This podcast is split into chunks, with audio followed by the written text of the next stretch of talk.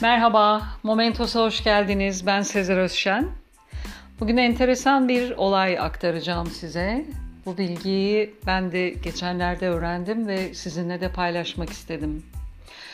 Amerika Birleşik Devletleri demir yollarında iki ray arasındaki standart genişlik 1.44 metredir.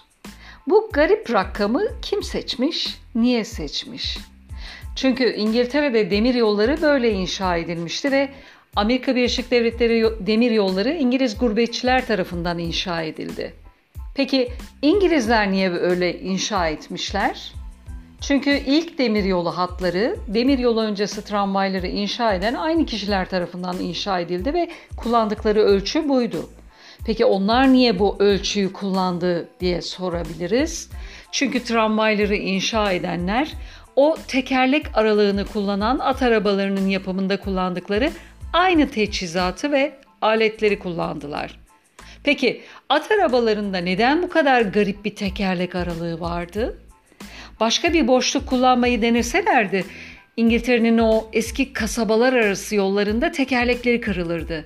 Çünkü yerdeki tekerlek izlerinin aralığı buydu. Öyleyse bu eski bozuk yolları kim inşa etti? Avrupa'daki ve İngiltere'deki ilk uzun mesafeli yollar Roma İmparatorluğu'nun askeri birlikleri için inşa edildi. O zamandan beri de kullanımdalar. Ya yoldaki tekerlek izleri? O ilk izleri Roma savaş arabaları oluşturdu. Peki Roma İmparatorluğu'nun savaş arabalarının tekerleklerinin arasındaki mesafe niye o kadardı?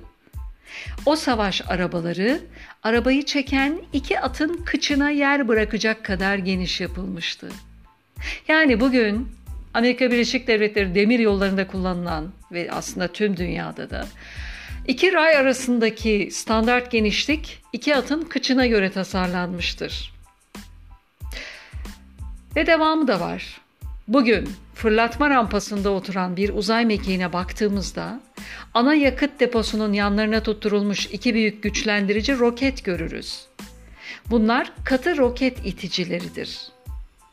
Bu katı roket iticileri artık Amerikan uzay ve savunma teknolojisi devi Northrop Grumman'ın sahibi olduğu eski Thiokol şirketinin Utah'taki tesislerinde inşa ediliyor.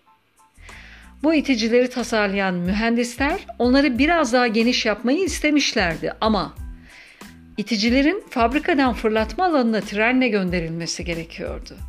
Fabrikadan gelen demir yolu hattı dağlardaki bir tünelden geçmek zorundaydı.